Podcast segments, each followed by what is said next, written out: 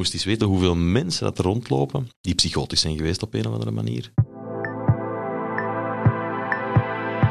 Dit is Sensitief, de podcast van Yves de Wolf.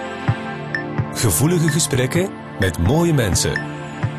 Als je de gong hoort, is het gesprek voorbij.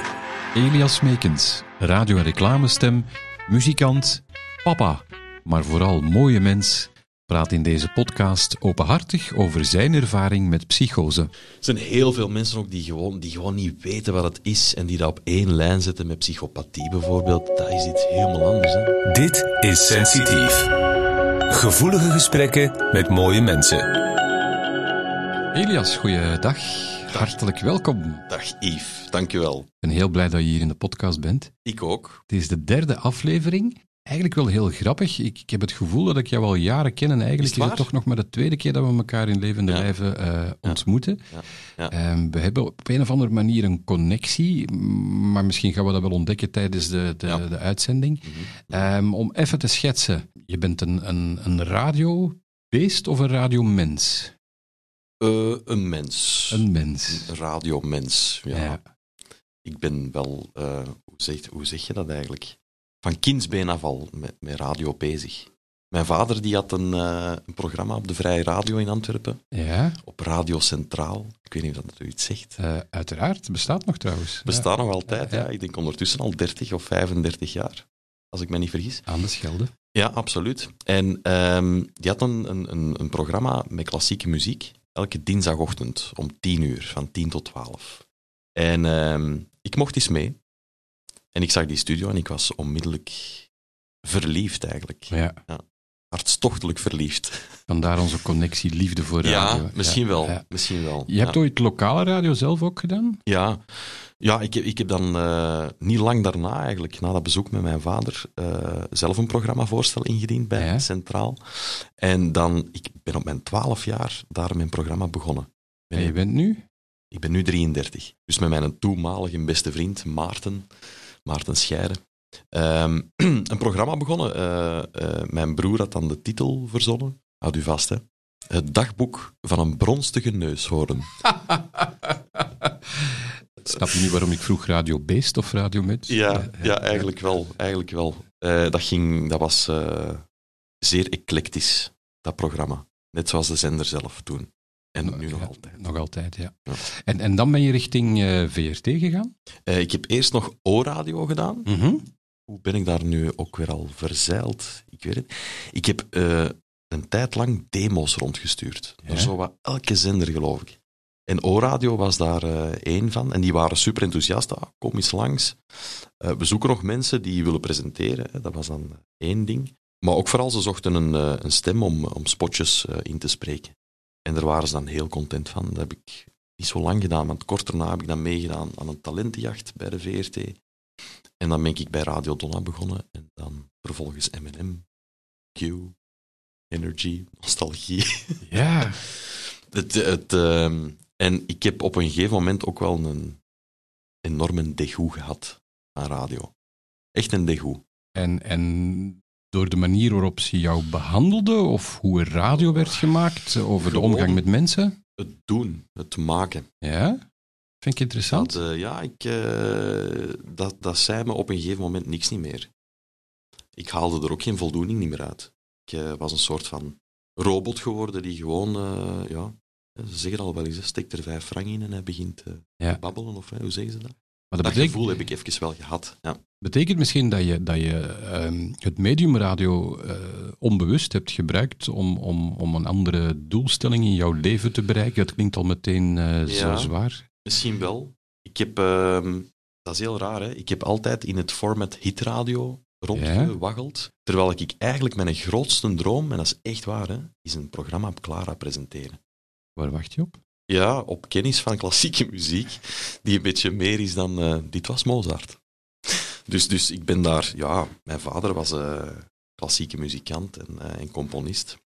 Dus ik heb dat echt met de paplepel meegekregen, al die barokmuziek en soms experimentele dingen ook, en koormuziek, oud-Gallische muziek en dat soort dingen, heel veel volk ook. Ja, daar ligt mijn hart toch ook wel. Hè? Ook bij, bij, bij hitmuziek. Ik ben, ben van heel veel Marten thuis op dat vlak. Kunt mij ook nog maar met weinig dingen verrassen op, op muzikaal vlak. Ik heb alles al wel eens gehoord, denk ik. Mijn spectrum gaat van Frank Zappa tot uh, klassieke muziek, tot, uh, tot, tot volk uit Mongolië. Allee, ik bedoel, ik heb alles wel in mijn platenkast uh, staan. Ook gewoon uit interesse en nieuwsgierigheid. Hè. Het is mm -hmm. niet dat ik van al die muziek hou ook, of, of, of zo, maar het is, het is ja... Het lijkt wel een zoektocht. Ja, een zoektocht misschien, de Holy Grail. Ja. Ik heb dat op veel vlakken. Uh, ik ben bijvoorbeeld zot van, uh, dat is dan ook, uh, hoort ook bij het radiomens zijn. Ik ben zot van microfoons. Ik heb, ik heb thuis een opnamestudio, dus dat, dat komt dan goed van pas. Dat is een goede excuus om... mijn vriendin weet dat al ondertussen. Ah, ga er weer een micro kopen? Ja, dus ik, ik ben op zoek ook altijd naar de perfecte microfoon voor mijn eigen stem, voor mijn zangstem dan. Ja. Voor andere mensen hun stem. Maar je bent meer dan je stem, Elias? Dat is waar, absoluut. Ja. absoluut. Dat is misschien een onderdeel van jouw zoektocht. Ja, dat kan wel wat gezegd. Ja, um, we, we, gaan het straks onder meer hebben over een, een uh, traumatische ervaring die je hebt uh, meegemaakt over, over de psychoses. Ja. Um, we zijn nog maar een paar minuten bezig en wat mij al meteen opviel is dat je al twee keer je vader hebt vermeld. Ja, dat klopt. Omdat die mens eigenlijk uh, eind september is overleden. En ik heb mijn vader tien jaar lang niet gezien. Ik was sowieso een afwezige vader. Mijn ouders zijn gescheiden toen ik drie was. Hè is niks nieuws. Er zijn zoveel mensen die uh, gescheiden De mijne waren zes, ja. Ja, voilà. Um, maar mijn vader was er eigenlijk nooit. Mhm. Mm -hmm. uh, op momenten dat het er wel toe deed. Ik herinner mij in middelbaar, ik heb nogal een tumultueuze tijd in het middelbaar beleefd, um, spijbelde ik al wel eens. En, en, mijn vader had een muziekwinkel in, uh, in Antwerpen, Antwerpen-Zuid. En dan ging ik met mijn fietsje naar mijn vader, naar de Mm -hmm. winkel. Hi zeggen. Mijn vader was iemand die uh, begon te vertellen en je hing aan deze lippen en dat stopte niet. Dus die, dat was een soort van, ja, dat leek af en toe wel een orakel of zo, weet je wel. Ja, gewoonweg een spraakwaterval echt. En over wat vertelde hij dan? Ging het over emotionele onderwerpen? Ging het Oeh, over nee, kennis? Nee, nee, nee. Emotionele onderwerpen uh, met mijn vader heb ik nooit uh, kunnen bespreken. Nee.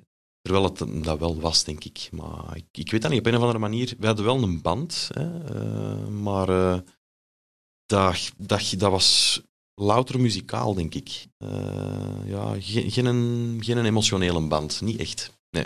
Maar je zegt, ik vermoed dat hij heel emotioneel ja, was. Ja, ja Um, vooral de keuzes die hij in zijn leven heeft gemaakt en de beslissingen die hij ook op het einde van zijn leven heeft gemaakt, bepalen toch wel uh, of ken, zijn toch wel kenmerkend voor iemand die heel emotioneel driven is eigenlijk. Ja, diep van binnen wel, maar hij heeft het eigenlijk nooit getoond. Nee, naar mij toe eigenlijk nee, niet echt. En ben je dan op zoek naar jezelf op, of op zoek naar je vader? Uh, goh, ja, dat is een, uh, een, een, moeilijke vraag.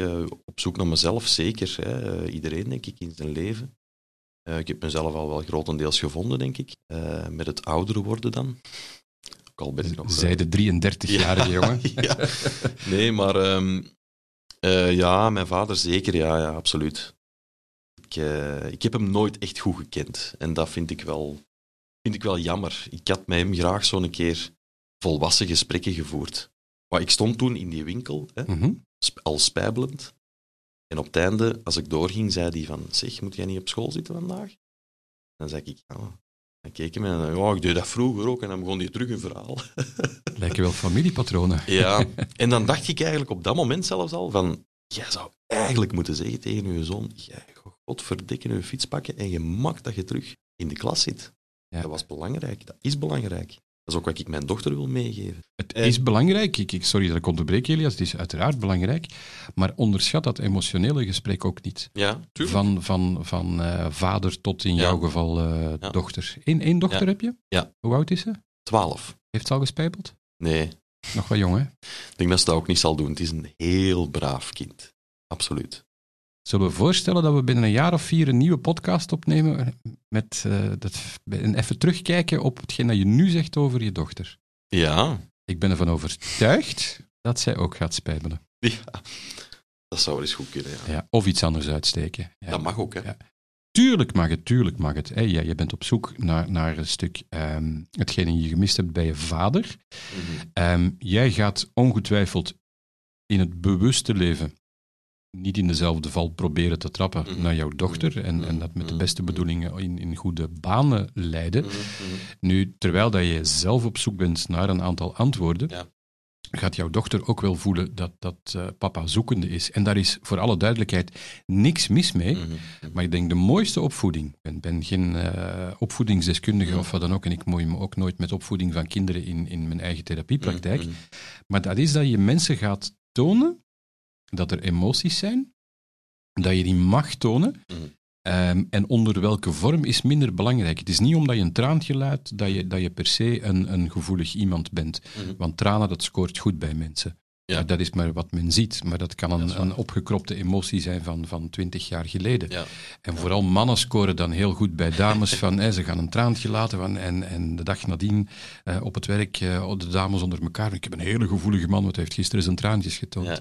Ja, dat, dat- ik, ik trap niet in die val. Nee, nee, nee, Dat, dat vind ik heel voorzichtig. Maar ik vind het heel mooi ehm, hoe, hoe dat je beschrijft ehm, dat je op zoek bent naar jezelf, dat je zo een stukje op zoek bent eh, naar jouw vader. Mhm. Ehm, ik heb al gehoord dat hij met muziek bezig was. Mhm. Jij wil een programma doen over muziek. Mhm. Is het toch een soort erkenning dat je onbewust wil?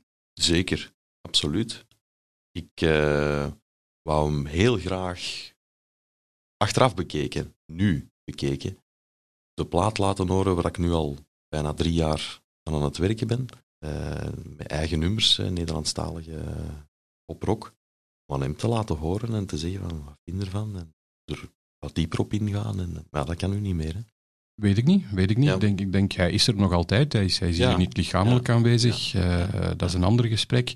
Maar misschien kan het wel een stimulans zijn voor jou om te zeggen van, kijk, in plaats van ehm, ergens onbewust die dingen in, in, in, in de wereld te willen plaatsen, Mm. misschien toch nog een beetje meer naar jezelf gaan kijken en, en eerder jezelf eh, het nodige, de nodige aandacht geeft, Mm. daarna het nodige respect geeft, in plaats Mm. van de, de aandacht en respect te zoeken bij iemand anders. Want Mm. dat wordt een, een beetje een gedragspatroon. Dan Ja. Bijna de therapeutische weg aan het opgaan, dat is niet helemaal Ja, de bedoeling. Ik vind het heel mooi dat je je openstelt, maar ik geef het gewoon heel vriendelijk eh, als advies mee. Eh, nu, over muziek gesproken, ik ben een beetje gaan opzoeken. Ehm, en ik wist niet dat jij eh, al eh, een, een, een band had, Paljas, Ja. heb ik gevonden, met, een- met een Z, hè, voor Ja. de mensen die het willen gaan eh, googlen en op, op, op YouTube plaatsen. Ik ga een stukje laten horen. Ja, oké, ik ben benieuwd. Ben in de stemming, ben goed gemutst. De zon schijnt en ik heb een ei geklutst. Ontbijt op bed, want ik had het u beloofd. Ik laat alles vallen, ik hoor stemmen in mijn hoofd. En dan vooral bij dat laatste, dat intrigeert mij, die stemmen in je Ja, hoofd. ja, ja. We gingen het hebben over psychoses. Ja, ja, ja. Ik heb nooit stemmen in mijn hoofd gehad. Nee, dat is puur toeval dan. Eh, nee, ik heb dat wel met muziek. Ik hoor soms teksten of muzieklijntjes in mijn hoofd. Ja? En daar ging het vooral over in dit nummer. Ja. Over die stemmen. Want die stemmen zongen dan... Koop een chocola. Ze zeggen, Ja, Dit dus? dat heb ik geschreven toen ik 14 was. Echt? Ja, ja. Dus de tekst eh, heeft absoluut geen diepgang of wat dan ook. Eh, of eh, een wijsheid of, of, of iets dat, dat moet verteld worden. Het is eigenlijk gewoon een ludiek verzinseltje. Het is, het is een vormgeving om toch het een en het ander kwijt te, te, Ja. te geraken. Nu Onbewust, wel. Nu ja. wel. Ik heb eh, in het verleden muziek gemaakt die eigenlijk die reeks nummers waarin dit eh, is beland, er zitten wel een aantal dingen bij die eh, autobiografisch zouden kunnen zijn op een of andere manier, of die iets willen vertellen alleszins. Mhm. Maar de reeks nummers die ik nu al twee jaar aan het schrijven ben, die zijn wel echt... Allee, dat is eh, ja, iets dat ik wil vertellen wel. Ja. Dat is echt een verhaal. Heel dat album is een verhaal en dat moet... Dat is een ei dat echt kwijt moet. Ik ben erop aan het broeden en aan het broeden. En we zijn ondertussen al eh, zoveel sessies verder, eh, met onder andere Axel Peleman op, eh, op de basgitaar. En, allee, heel toffe, goede muzikanten, super muzikanten. Welke richting gaat het uit? Ehm, misschien, ja, om, om namen te noemen, Yevgeny Buurman, Mooi. dat soort dingen. Ja, Ja. ja. Ja. Het, is, het, is, het is een beetje indie rock. Nederlandstalige indie rock. Luchtig, zware teksten? Soms wel. Ja. Soms zwaar, soms luchtig. Ik vond nog een stukje van, eh, Ja. van jou. als het moet, dan moet het. Dan moet het. Neem de pil. Neem de pil, neem de pil, neem de pil. Heeft het met eh, medicatie te maken? Ja, dat wel. Ja. absoluut. Is Ja. dit gelinkt aan de psychose? Ja, zeker. Ja. Ja, ja, Ik heb ook het videoclipje bekeken. ja. Ehm, ik werd er stil van. Ik Mhm. kreeg kippenvel. Ja. Ik dacht van, wow, Mhm. is dat de Elias die ik ga ontmoeten? Nee, zeker niet. Om, om, om, om het even te schetsen, hè, je, bent, je, je deed me een beetje denken aan Robert eh, Smith van, van The Cure, toen eh, Ja. heel, heel donker, duister. Ehm, ik zag er wel door, maar was het echt een, een, een weergave van hoe je je toen voelde?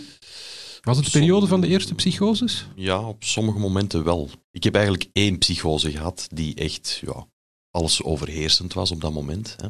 Hoe oud was je toen? Dat was in eh, 2013, eh, dus eh, ja, wat is dat, acht jaar geleden? Ja. 25. Kan je in je eigen, ben je een ervaringsdeskundige of, of heb je iets meer eh, inzicht in, in psychose? Kan je even op, op, een, op een verstaanbare manier voor mensen uitleggen wat een psychose is? Ja, heel kort. eh, geen voeling niet meer met de realiteit. Hè. Mhm. Eigenlijk eh, in uw eigen realiteit leven en een beetje wanen hebben ook. En eigenlijk komt er van alles samen tijdens zo'n psychose. Hè. Dus, dus paranoia, panisch zijn, eh, depressief zijn, eigenlijk alles tegelijkertijd. En dat maakt dat het zo intens is. Ja, Want iemand kan al wel eens een depressie hebben, Ja, of tuurlijk. je kunt al wel eens paranoia-gevoelens hebben. Hè. Ja, ja, ja. Je, je gaat een vergaderzaal uit, je komt terug en je hebt het gevoel dat iedereen over u heeft geroddeld. En dat is ook een soort van paranoia, want voor hetzelfde geld was er niks. Hè? Maar je weet, je gevoel laat je meestal niet in de steek. Nee, nee, nee, dat klopt. En som, sommige dingen eh, eh, allee, kunnen gebeuren, hè? absoluut. absoluut hè? Of, of dat je soms denkt dat je wordt achtervolgd door iemand eh, s s'avonds laat of zo. Dat, dat zullen we misschien ook wel herkennen, of dat zullen sommige mensen toch misschien wel herkennen. Maar tijdens zo'n psychose komt alles samen. En dat maakt het heel eh, intens. En Welke, zwaar. welke vorm kreeg het bij jou? Ehm, Als je er iets over kwijt wil. vooral heel veel eh, manische episodes en, en, en ja, toch wel wat paranoia ook, vooral. En achteraf natuurlijk de weerslag. Als ik als ze mij uit het ziekenhuis ontslagen hebben, want ik ben kortstondig opgenomen geweest voor een aantal dagen, tien dagen geloof ik, eh, volgde er een heel donkere depressieve periode. Ja. Ja, ik heb mij nog nooit zo slecht gevoeld dan toen. Ja. En, en je zegt, je bent opgenomen in het ziekenhuis. Was dat vrijwillig of, of was dat gedwongen? Dat was vrijwillig. Ja. ja. Ja. Het is zo, eh, ik ben genetisch de gelukkige in de familie die het eh, DNA van ergens in onze stamboom heeft doorgekregen. Ja. Dus er is wel wat verleden in de familie met, rondom psychische probleem. Eh, dat wordt doorgegeven, hè. dat is bekend. Hè. Dat zijn de familiepatronen. Ja. Dan kom je echt volledig op mijn terrein. Je weet dat je dat kan doorbreken. Hè? Dat wist ik niet. Kijk, we zullen nog even de babbel doen na de Te uitzending. laat. Ja, te laat. Het is nooit te laat, Elias. Het is Ja. nooit. Maar dus, ehm, ja, er waren wel wat familieleden die het herkenden en die zeiden van, jij moet eh even eh, Time out. time-out. Ja. Heel bizar trouwens. Hoe ga je er eh, mee om ten opzichte van, van, van familie? Ja, met mijn moeder kan ik daarover praten. Maar met de rest van de familie is dat wat moeilijker. Gewoon omdat dat... Ik heb er ook weinig behoefte aan.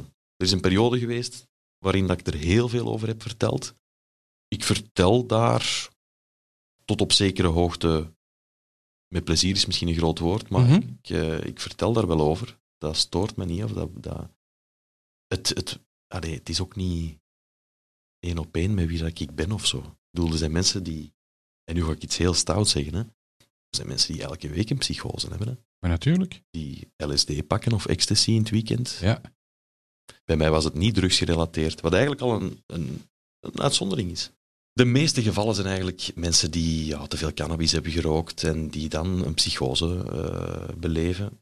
Ja, bij mij was het dan op een natuurlijke, wij- Ja. natuurlijke wijze gefabriceerd. Ja. He- Heb je kunnen achterhalen, voor zover dat belangrijk is, wat, wat de trigger of wat de aanleiding Ja, was? zeker.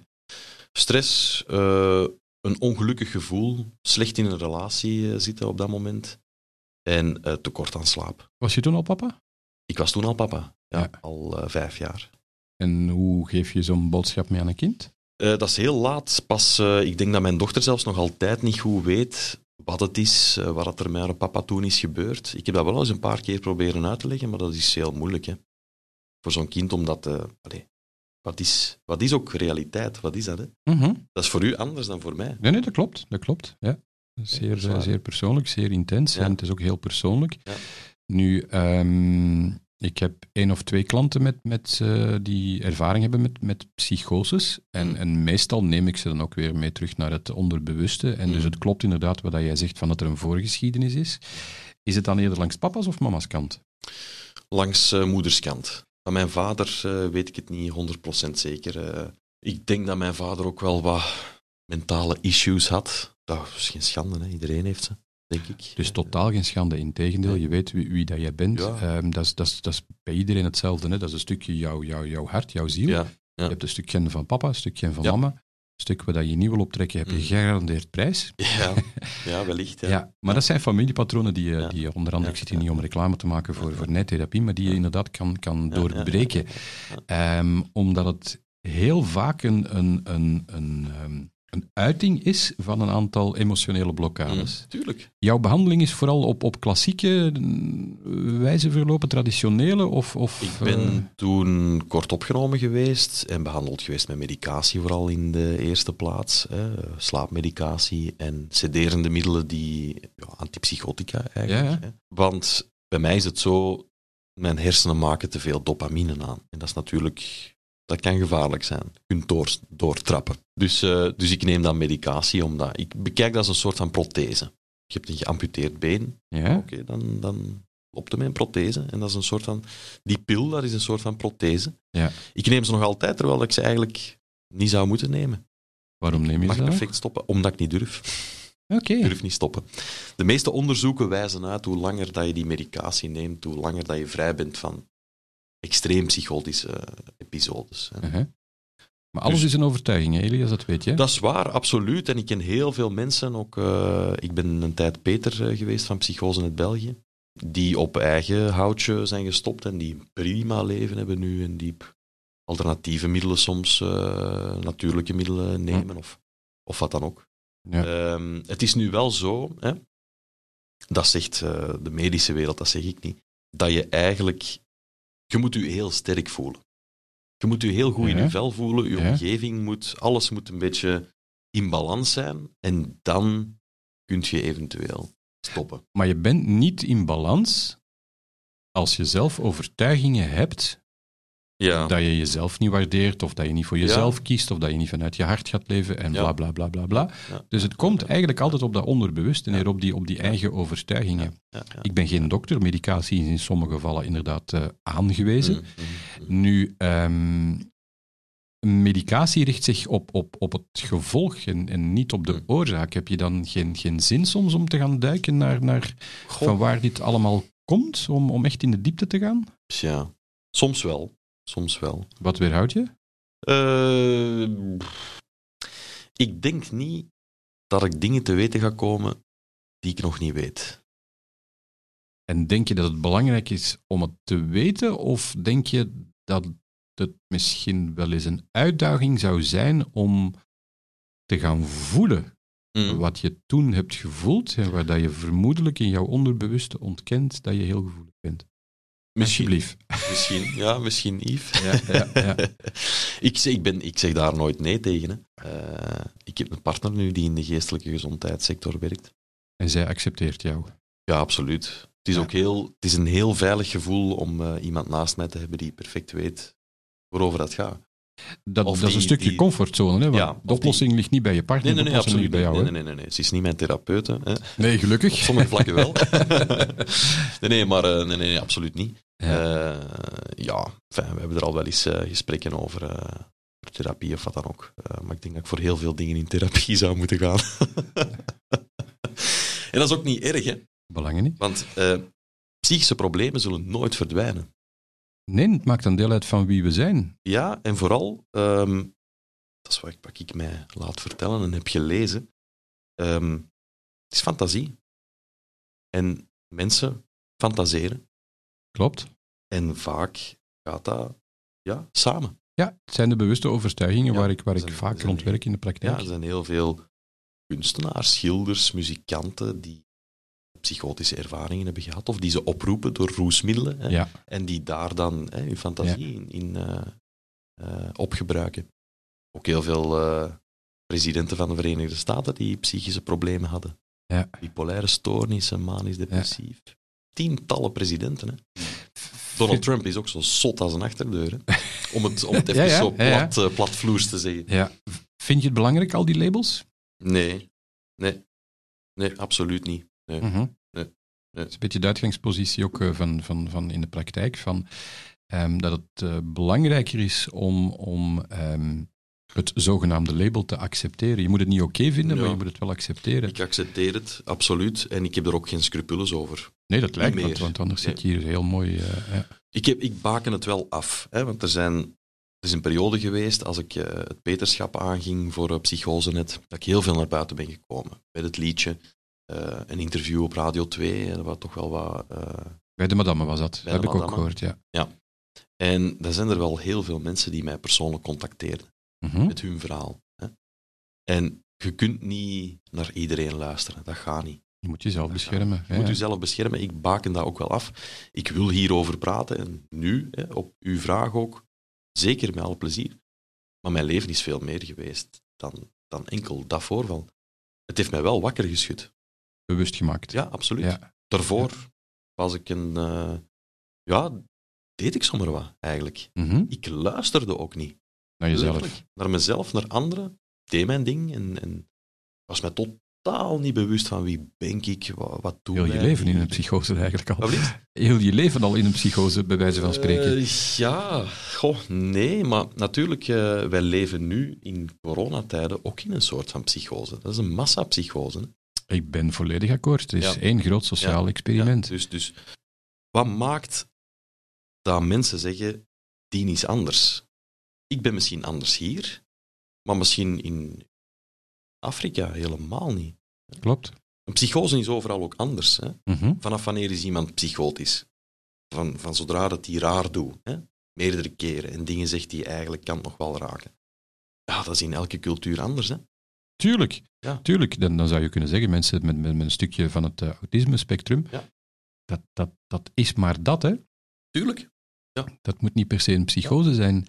Vreemd woord dat ik ga gebruiken. Je bent nu clean. Ehm, ja, Heb je ik, bedoel, schrik ik, dat- ik, heb, ik heb geen psychotische eh, episodes niet meer gehad. Nee. nee, Nee. nee, nee, nee. Eh, Heb, heb je nog soms last op bepaalde momenten met, met ehm, emoties of met spanningen of met angst die, die, eh, die je aanvoelt?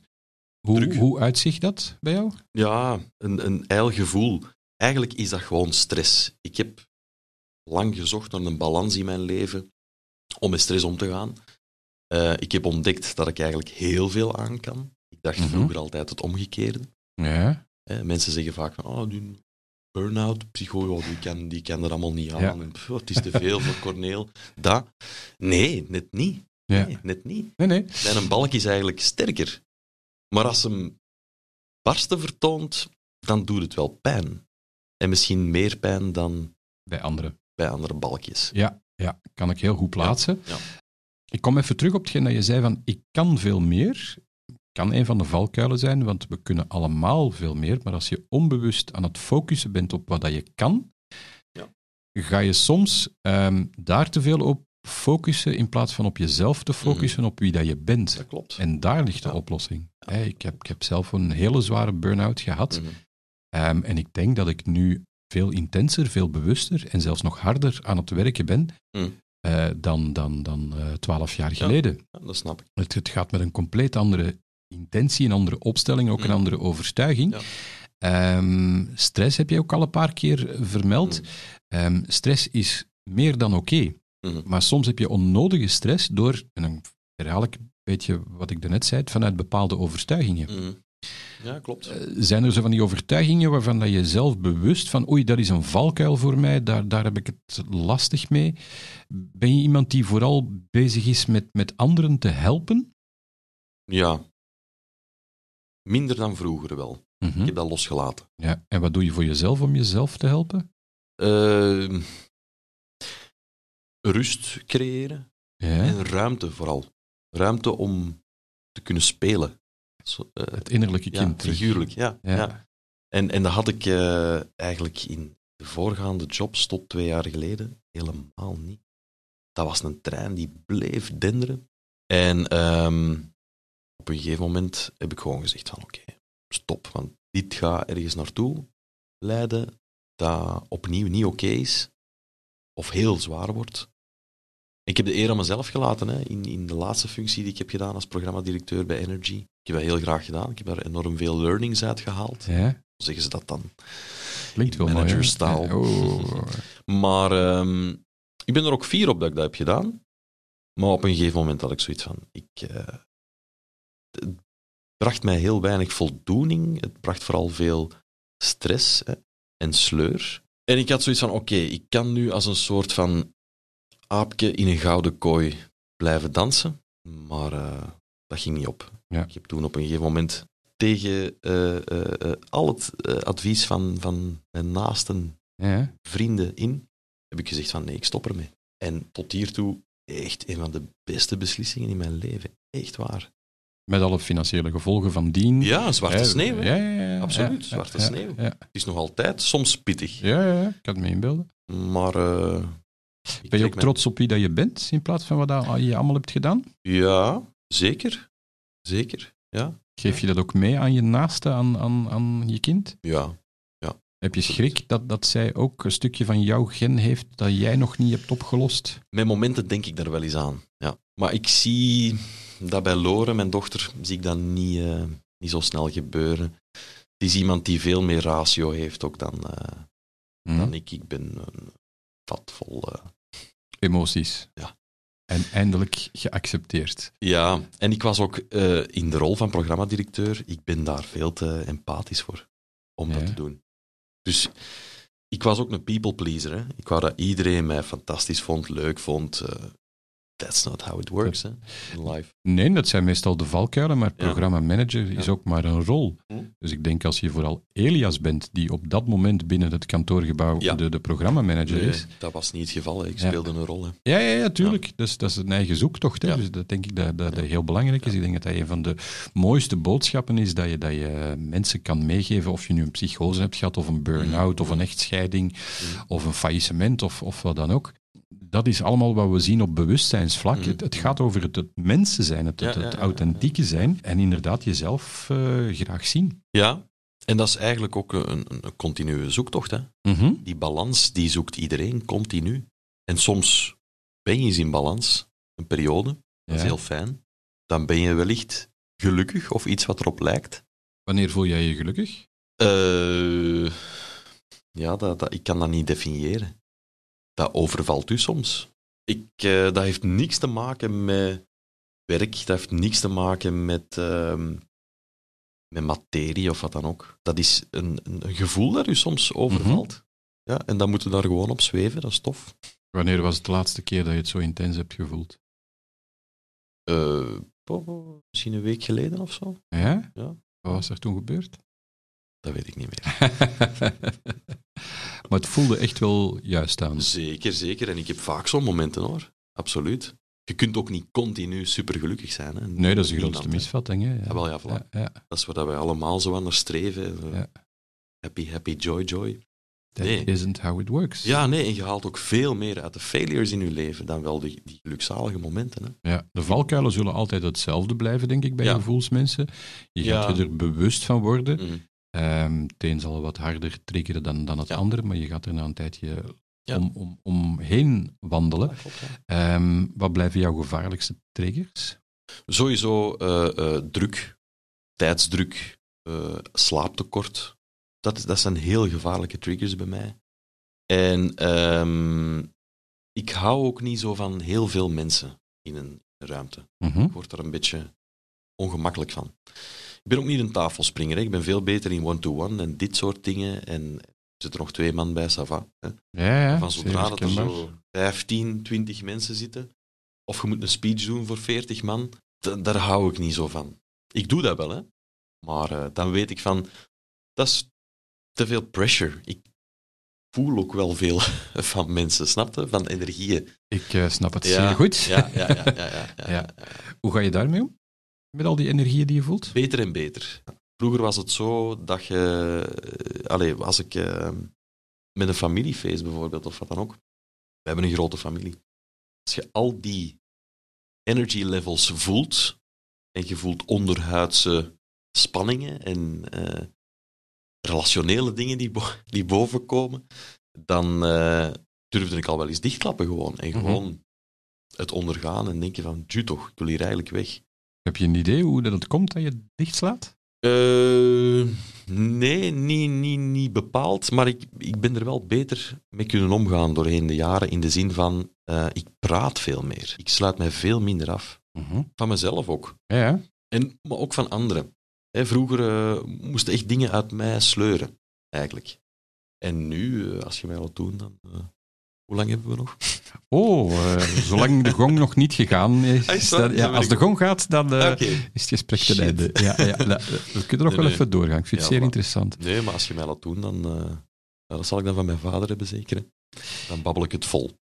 Ja, ja. Maar je kan, en, en ik bedoel het niet kwetsend, hè, Elias, maar je kan veel zeggen eh, Ja, zonder iets te zeggen, wat bij jou zeker het geval niet is. Maar ik wil even terugkomen op dat familiefeestje, omdat dat een situatie is dat ik eh, jaarlijks eh, meemaak in, in, in de praktijk. Eh, januari is de periode dat ik zo van die onverwachte cadeautjes krijg, een flesje wijn of, of, of een de doosje chocolade Ja. van, van klanten die mij zeggen, nu dit jaar zal dat niet het geval zijn, maar van ehm, we weten nog altijd niet wat dat jij met ons hebt gedaan, maar we hebben eindelijk terug een normaal familiefeest gehad. Ja. Ja. Om even te schetsen wat er dan gebeurt. Jullie zijn allemaal ehm, geblokkeerd op bepaalde Mm. emoties. Je, je spiegelt elkaar. En vanuit jullie overtuigingen ehm, ga je al die prikkels die jij voelt of die energieën die jij binnenkrijgt, vanuit jouw eigen overtuiging ga je erop vastlopen. Mm.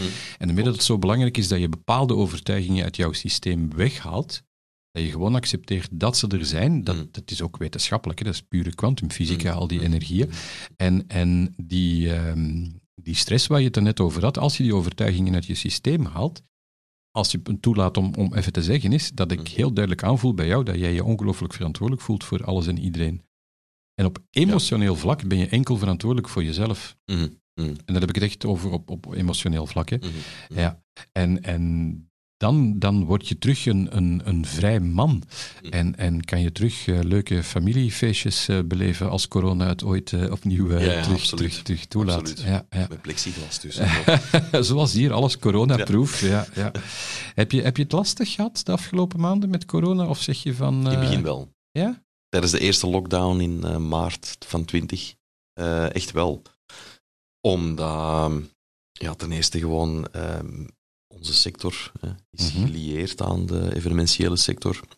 Dus dat hangt allemaal wat samen. Er is heel veel dat wegviel. Eh, en plots denk je dan van, oei shit, hoe gaan we dat financieel overbruggen? Ik ben fulltime zelfstandige. Dus dat in de eerste plaats, maar ook gewoon de angst van, wat is dit, dat virus? En, en houdt dat echt iedereen zo hard in zijn greep en, en ons gegijzeld en binnen? En kan Ben- dat wel? Ben jij iemand die het absoluut wil weten wat het is? Of, Nee. of gewoon in het gevoel gaan? Nee, I go with the flow. Ook meer en meer. Eh, ik mis ook niet echt veel dingen, eerlijk gezegd. Dat is opvallend, hè? de meeste Ja. mensen die, die Ja. eh, Ja. in, in mijn buurt eh, komen, we zitten allemaal op dezelfde golflengte, heb ik de indruk. Ja. Ik mis zeker niet het soort excessief feestgedrag. En, Gewoon een fijn, gesprek. ja, absoluut. Op café gaan en een keer Mhm. goed gaan eten, dat mis ik wel. Ja. Dat mis ik wel. Cinema af en toe. Ehm, dat mis ik echt wel. Maar wat, wat dat de meeste mensen, zo festivals en grote feestjes en, en brasserij, nee, Ja. nee, dat echt niet. En wat ook zalig is nu, is de rust. Hè. Fantastisch, hè? Ja, geen files, geen, eh, Ja. geen gedoe. Dat is, eh, dat is wel heerlijk. Maar natuurlijk, ja, dit is een, een zeer uitzonderlijke situatie. Hè. En, en iedereen reageert er anders op. Maar ik, ik, je wordt alles gewoon. Hè. Je- alles Mhm. wordt een, een, een gewoonte na verloop van tijd. En ik ben dit ondertussen gewoon. En ik zal wellicht even terug denken van, fuck, als dat terug allemaal versoepelt. Echt waar. Ja, ja, ja, we gaan, we gaan Ja. dingen te zien krijgen. Hè. Mensen gaan terug ontploffen. Hè. Ja, sowieso. Ja, het is één groot sociaal experiment. Ik, ik hou mijn hart vast wel, voor eh, als, als de deur terug opengezet wordt. eh, in plaats van een beetje eh, bewust te worden van, van dat we op een andere manier moeten gaan samenleven. Voilà. Ehm, Voilà. Terug, terug een beetje connectie maken met mensen. Ja, absoluut. Dat vind ik ook. Ehm, terug, terug gaan leren voelen, terug een fijn gesprek. En het mag inderdaad met, met een glas wijn of, of een barbecue, Ja. hoeft niet per se altijd eh, exuberant te zijn. Glas water kan even goed smaken trouwens, daar gaat het niet over. Absoluut. Ehm, maar ik denk ehm, dat we in, in, in dat opzicht, ehm, en ik spreek echt in de wij-vorm als, Ja. als gevoelsmensen, toch wel een, een, voorbeeldfunctie hebben zonder verantwoordelijk te zijn. Ja. Maar dat we zelfs een beetje trendsetter zijn op, op hetgeen er in de toekomst gaat, eh, gaat gebeuren, hoe Ik dat we gaan samenleven. Waarom moeten wij allemaal met tientallen mensen op een landschapsbureau zitten? Waarom moet dat? Vreselijk. Hè? Vreselijk. Iedereen werkt thuis nu. Ja. Zeker in de logistiek, enfin, de, de, de administratieve sector, ik zal het zo maar noemen. Hè? Waarbij de mailing vooral belangrijk is en telefoneren. Dat kun je perfect van thuis uit doen, hè, mannen. Spreek dan af, één dag per week naar kantoor. Exact. Minder files, minder uitstoot, minder depressies en gezaag en gezeik van collega's aan de koffiemachine. Ja, maar dat is toch... Ja. Hè? Ja. Dat, is toch dat is toch waarover dat iedereen ventileert altijd. ja, tuurlijk, tuurlijk. Maar je hebt Ja, 100% en die gelijk. weer gezegd dat dat... Ja. Maar Ja. Stop ermee. Ja, ja, nee, ik ben volledig akkoord. Ik vind het grappig, want, Ja? want eh, helemaal eh, toen, toen ik de praktijk opstartte in het begin, ik gaf even toe eh, een paar lezingen. Hm. En ehm, ik werd uitgenodigd door, door een goede vriend om een lezing te geven. En hij vroeg mij, mag ik de presentaties eerst even bekijken? Want zo gaat het dan Hm. in commerciële middens vroeger. En een van de, de dingen die ik absoluut afbrak in de presentatie was een, een open landschap. Ja. Ja, zei je, maar Yves, eh, kan je dat eruit halen? Want we hebben net geïnvesteerd in een open landschap. En, en dat begrijp je toch dat je dat niet kan gaan vertellen nu, want anders gaan we weerstand krijgen. Mm. En ik heb hem gezegd, zeg van, kijk beste vriend, ik zie je even graag, maar dan ga ik, dan ga ik die presentatie niet geven. Ja. Ja. Het was niet uit principe of wat dan ook, maar, maar ja, die dingen moeten terug bespreekbaar Ja. gemaakt worden. Dat, dat moet durven gezegd Ik worden. vind dat ook. Nu, aan de andere kant vind ik het ook wel heel belangrijk, en dan gaat het ook over die verantwoordelijkheid. Ehm, er is grote druk van eh, bedrijven en noem maar op. Maar burn-out komt meestal door, door een persoonlijke blokkade, Mhm. meerder dan, dan eh, Mhm. door de druk Ja. bij een bedrijf. Ja, ja wellicht, ja. ja. Dus, dus jouw partner of jouw familie of jouw eh, baas mag proberen druk te zetten op jou. Jij laat het toe. Ja. En dat is het, net hetzelfde wat je net zei van ik eh, ben nogal gevoelig aan, aan Mhm. tijdsdruk of aan slaap. Mm. Ehm, slaap begrijp ik perfect dat dat fysische gevolgen kan hebben en mentaal uiteraard ook. Maar tijdsdruk, ja, wie, wie legt er druk op de tijd? Jij of andere mensen?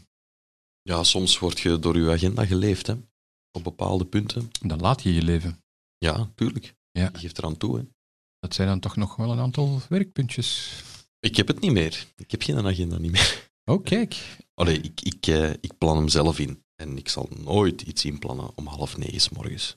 Wiens idee was dat ook ooit? Ja, ja, ja. Om onze kinderen om half negen... Allee, Ja, ik denk dat een beetje structuur mm, Ja, tuurlijk, mm, tuurlijk. Wel, wel, wel nuttig is, maar inderdaad, wie, wie bepaalt half toch negen? eerst rustig ontbijten en start om half elf. Het is grappig dat je het zegt, want ik heb in eh, de, de vorige podcast met, eh, met Raf van Brussel en Lies Kortals Ja. hebben het even gehad over het schoolsysteem voor Mhm. de hooggevoeligen en mhm, hoogbegaafden. Dat, er, eh, dat ik meer en meer voorstander begin te worden van, van eh, aparte initiatieven, privé-initiatieven, Mhm. van ehm, instituten of, of, of instellingen of, of scholen die op een eh, eigen manier les gaan geven. Ja. En, en van mensen die echt met zware emotionele problemen, die toch glansrijk ehm, hun studies afronden op, Mm. op, op hun eigen manier. En Mm. ik denk dat we daar toch wel stilletjes aan naartoe moeten gaan. Eén, het bespreekbaar maken dankzij onder meer getuigenissen van jou over psychoses. Je Mm. bent natuurlijk Mm. meer dan, dan, dan de psychose. Ik vind het heel fijn dat je er wilt over vertellen, omdat het belangrijk is Mm. om daarover te praten. Ja. Maar nog meer, en dan heb ik het eerder als therapeut, eh, dan erover te praten, is er ook iets mee doen. Want het stoort me wel een beetje dat het heel bon ton is dat er heel veel acties vanuit media ondernomen worden om het bespreekbaar te maken. Uiteraard is dat de eerste Mm. stap. Mm. Maar je hebt er die, eh, die er heel goed kunnen over praten, maar voor de rest het potje gedekt houden, ja, dat is ook de oplossing. Klopt, klopt, absoluut. Ja, en ik denk, zo door, door, door gesprekken zoals dit, waar jij toch het stukje het achterste van je tong laat zien, waarvoor ik heel dankbaar ben, ehm, vind ik het heel belangrijk dat we, dat we het eh, bespreekbaar Ja, maken. ja. Eén, dat het er is, dat we op een andere manier eventueel kunnen gaan samenleven. Mm, mm, Dat er eh, helemaal niks mis is met, met gevoelens, dat je, dat je gewoon moet accepteren dat je gevoelig bent. mm. En, en laat ons een beetje ehm elkaar helpen. Ja, absoluut. En ieder op zijn of, of haar eigen manier. Zeker. Ehm, he- heb jij, ehm, buiten het feit dat we het weer over de psychose hebben, nog, nog bepaalde dromen waarvan je zegt van, goh, maar mijn gevoeligheid gaat dat niet toelaten om eventueel die droom waar te maken? Nee, ik denk het niet. Nee. nee. Ik, wil, eh, ik heb zeker nog eh, bepaalde dromen. En die, eh, die zweven allemaal zo rond hetzelfde potje. Hè. Dus ik ben nu bezig met die, met die plaat, Mhm. wat eigenlijk mijn debuutalbum wordt. En ik hoop daarmee op podia te staan. Ik wil niet zeggen hoe groot dat die podia moeten zijn. Dat speelt eigenlijk niet zo'n grote rol voor mij. Maar ik wil dat wel live brengen. Ja, ja, ja. Dus dat is zeker wel een droom. Ehm, er zijn nog wel dingen waar- waarvan ik nog, nog droom. Maar nee, ik heb, ik heb dat nooit als een hindernis eh, beschouwd. En dat zal ik ook niet, niet doen, want dat is het ook niet. Zeker niet. Het is eigenlijk niet. meer een, een, een sterkte. Je vindt op den duur in je leven ook een soort van modus om daar eh, mee om te gaan. Oké, misschien eh, voel ik dingen wat feller dan, eh, dan de gemiddelde medemens. Dat is een talent, hè. Ja, maar dat is eerder een talent. En het is ook maar hoe dat je er dan zelf eh, naar kijkt en mee omgaat. Hè. Herken je bepaalde trekken van gevoeligheid in je dochter? Zeker. Hoe gaat zij ermee om? Kan ze dat uiten of, of probeert ze te blokkeren? Een binnenfritter nog. Ah ja, Ja. is Ja. toch ergens nog een stukje Ondanks het van feit... de ja, groot, ja. grootvader. On- ja, denk Ja. Het, ja, ondanks het feit dat ik mijn hand altijd wel uitsteek en het luisterend oor bied en zeg van... Het is oké om af en toe eens te huilen en oké om, om over uw gevoelens te praten. En ze zegt vaak tegen mij van, ja, hè, als ik ze ga halen naar school, komt de vraag uiteraard van, hoe was het vandaag? Hè? En dan, Ik vind het mooi dat je zegt uiteraard, want zo uiteraard is dat niet. Hè? Een papa en een mama die de tijd heeft om het aan de kindjes te vragen, ja, vind ik al heel dat mooi. wel. Ik vind dat wel een, een evidentie gewoonweg. Hè? Dus, eh, en nu is ze in zo'n fase, ze is ook aan het puberen natuurlijk, dat begint, dat ze gewoon zegt van, eh, goed. En dan kijk ik naar haar en dan zeg ik, Laura. Allee. Als ik vraag hoe was het, Ja, ja, dan wil ik natuurlijk wel een beetje een verhaal. Hè? dan verwacht je een antwoord. hebben- ja, we hebben wiskunde gedaan en die juf was eigenlijk boos op een leerling, want die had zijn bik, weet ik veel. Of... En dat was toch wel bizar. En, en, en... Maar dat, zover is ze nog niet. Dat is nog... Ik Ja. wil niet te veel... Ja, zegt ze naar papa, maar ik ben moe na school en ik wil niet altijd erover babbelen. Oké, ja, bon.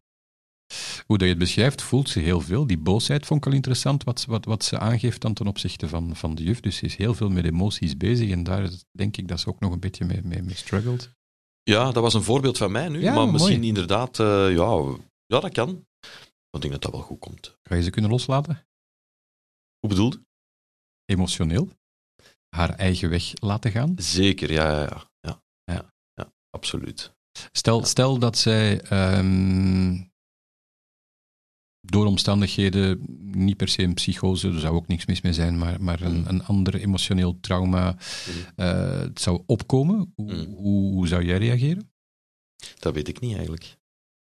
Ik zou luisteren, probeer zoveel mogelijk eh, te zijn. Ja. En ook als ze dat niet wilt, er niet zijn. Is dat hetgeen dat jij ook hebt meegemaakt tijdens jouw psychose? Of, of zijn er tips die je kan meegeven voor mensen die, eh, die het eh, meemaken?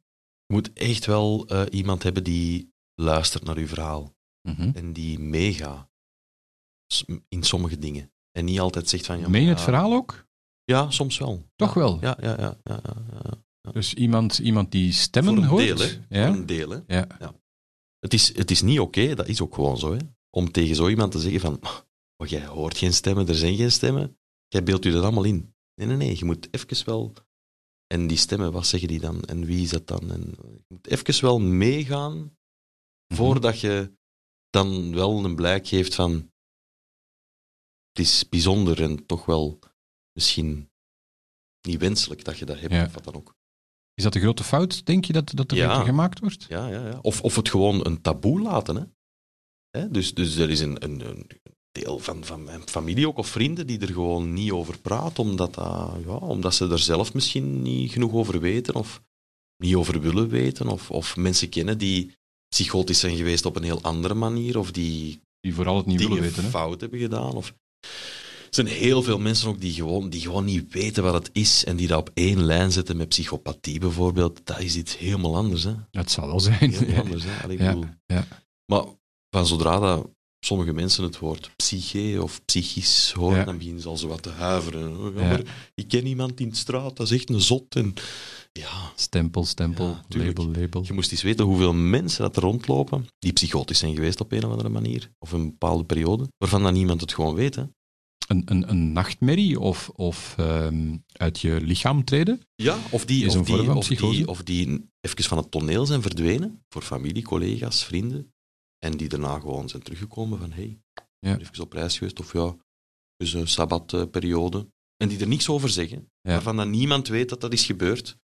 Heel veel mensen, hè? Vind je het een morele plicht dat zij erover moeten Nee, praten? zeker niet. Ieder Nee. bepaalt dat voor ja, zich. Ja, ik vind dat wel. Ik heb die keuze gemaakt om dat op een gegeven moment te doen. Ik ben toen benaderd geweest eh, door, eh, door de mensen van Psychosenet onder andere. En ehm, ik heb daar geen spijt van.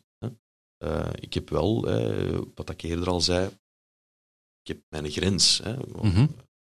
Maar eh, ik sta er nog altijd achter en ik zal ook altijd als een soort van ambassadeur op een of andere manier erover praten. En, en in de hoop dat dat mensen ook iets kan bijbrengen. En, eh, Sowieso.